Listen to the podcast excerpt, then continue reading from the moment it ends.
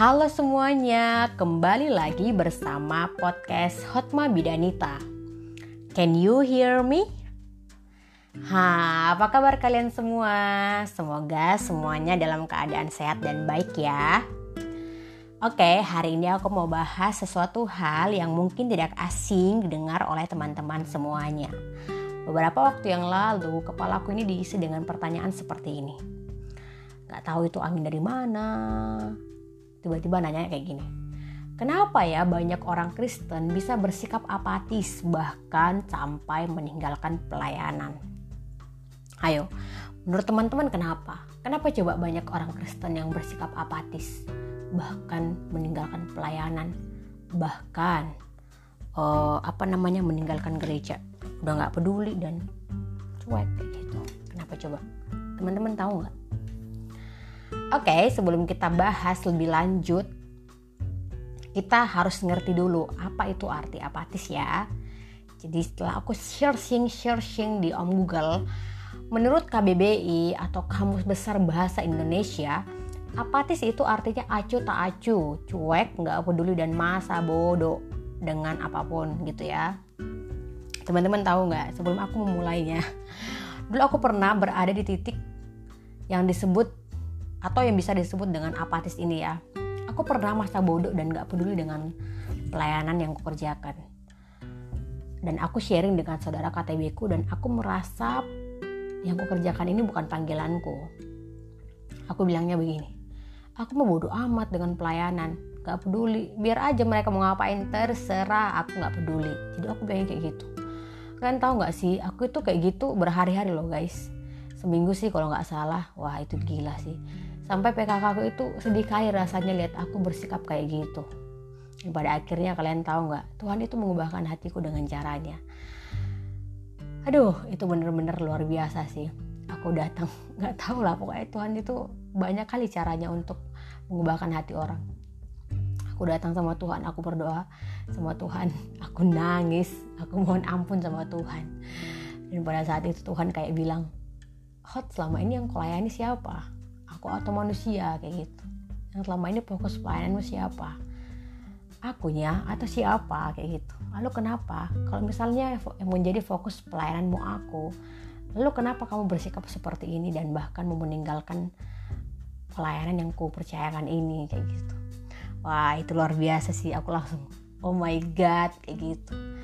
Dan yang paling kusyukuri pada saat itu adalah Aku sungguh bersyukur ketika Tuhan masih mau merangkul aku walaupun keadaanku sudah seperti itu. Aku benar-benar bersyukur sekali. Itu gila. Emang bener ya Tuhan itu selalu ada dan kita itu yang ada, kadang gak ada, kadang ada, kadang gak ada gitu kan. Tuhan itu setia walaupun kita gak setia ya. Jadi walaupun itu dulu udah pernah aku alami, beberapa waktu yang lalu aku bertanya lagi hal yang sama kenapa ya bisa kayak gitu? Walaupun itu udah pernah aku alami kayak gitu. Jadi pada akhirnya aku memutuskan untuk berdiskusi dengan beberapa orang dan bertanya pendapat. Btw thank you ya untuk orang-orang yang pada pagi itu ku chat terus ku ajak diskusi panas. Makasih banyak ya. Jadi ada beberapa jawaban yang seperti ini. Um, kenapa ya orang bisa apatis dan meninggalkan pelayanan?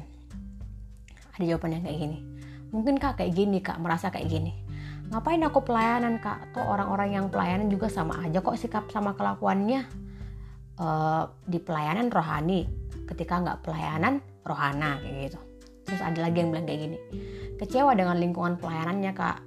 Yang yang dia merasa membuat dia sulit untuk bertumbuh. It's okay. Terus ada yang yang bilang kayak gini ya kak mungkin masih memikirkan kenyamanan. Nggak mau repot dengan pergumulan atau masalah apa pun yang terjadi terus ada lagi yang bilang kayak gini pelayanan tidak seperti apa yang diharapkan. Jadi tidak nggak sesuai dengan ekspektasi kayak gitu. Ya pokoknya pelayanan eh pokoknya merasa semua tidak ada artinya dan sama aja yang pelayanan sama yang nggak pelayanan.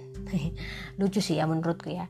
Ya kan pelayanan kan nggak berbicara tentang mimbar gereja dan komunitas Kristen. Ya lu hidup juga itu pelayanan. Apa yang kerjakan ya pelayanan kayak gitu. Jadi nggak ada pembagian rohani dan rohani kayak gitu gitu sih ya menurutku. Ya jadi ada lagi yang bilang kayak gini oh mungkin uh, belum merespon dengan belum bisa merespon dengan tepat kasih Allah gitu sehingga uh, belum mengerti uh, bagaimana bayar harga gitu. Terus ada lagi yang bilang seperti ini mungkin fokus pelayanannya bukan Tuhan fokusnya orang lain kayak gitu. Terus ada lagi yang bilang kayak gini uh, mungkin belum belum benar-benar mengalami kasih Tuhan. Belum mengerti uh, apa yang nama apa yang disebut dengan bayar harga. Pokoknya macam-macam lah jawaban kan. Dan aku uh, bersyukur kepada mereka karena mereka mau nolongin aku untuk menjawab pertanyaan ini. Guys uh, dulu aku pernah memang dulu aku pernah uh, berada di fase ini berada di titik ini yang kemudian Tuhan mengubahkan hatiku kayak gitu. Uh, terus um, sampai pada akhirnya aku menyimpulkannya seperti ini. Banyak orang Kristen yang bersikap apatis, nggak mau peduli atau nggak mau tahu ketika berhadapan dengan berbagai macam masalah hidup.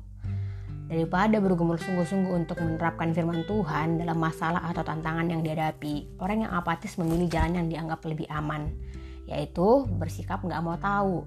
Banyak orang Kristen berpikir bahwa sikap nggak peduli atau nggak mau tahu akan menolong mereka untuk menghemat energi dan menghindari berbagai kesulitan yang lebih besar gitu.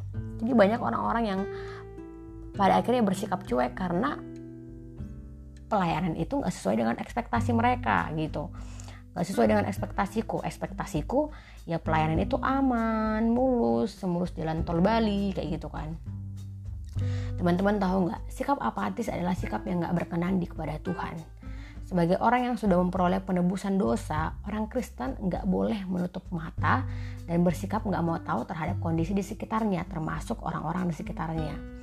Jadi teman-teman, ketika uh, kita bersikap apatis, ada hal yang patut dipertanyakan bener nggak sih selama ini kita melayani Tuhan? Bener nggak sih fokus pelayanan kita adalah Tuhan?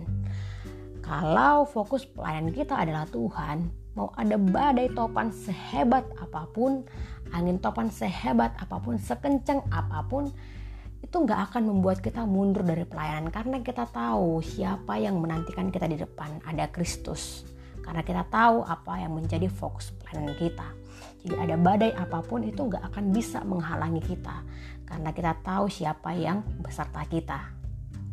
Teman-teman, ketika kita compare, ketika kita membandingkan diri kita dengan orang lain dan lingkungan, kita akan selalu merasa kecewa. Kenapa? Yang pertama, gak ada itu orang yang sempurna. Siapa pun itu, bahkan gak ada itu gereja yang sempurna ataupun pelayanan yang sempurna aku rasa kalau ada yang sempurna itu itu rasanya sudah tidak ada di dunia ini lagi. Karena di dunia ini tidak ada yang sempurna guys. Jadi kalau kita bilang uh, apa namanya nggak ada kok oh, ada kok yang nggak mengecewakan siapa orangnya gitu loh. Karena sebaik apa pun orang menurut standar kita pasti akan ada saatnya di mana dia mengecewakan. Karena apa? Karena satu-satunya pribadi yang tidak mengecewakan hanya Tuhan Yesus. Kita harus ingat dong natur kita berdosa kan? Bahkan hati kita pun sebenarnya suka berbuat jahat.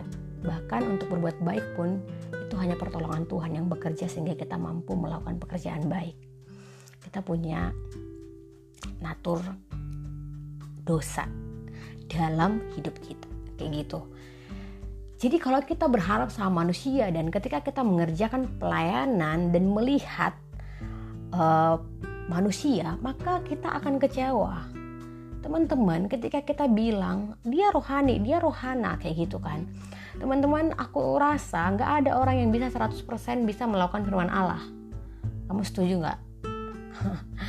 Siapa sih yang bisa melakukan firman Allah kayak gitu kan?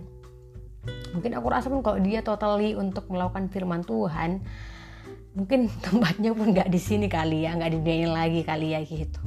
Gak ada orang-orang orang yang benar-benar sempurna untuk melakukan uh, firman Tuhan.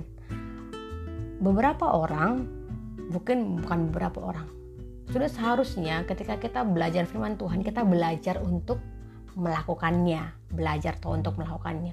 Namun totally kita tuh nggak bisa untuk melakukannya secara sempurna keseluruhan, nggak bisa kayak gitu.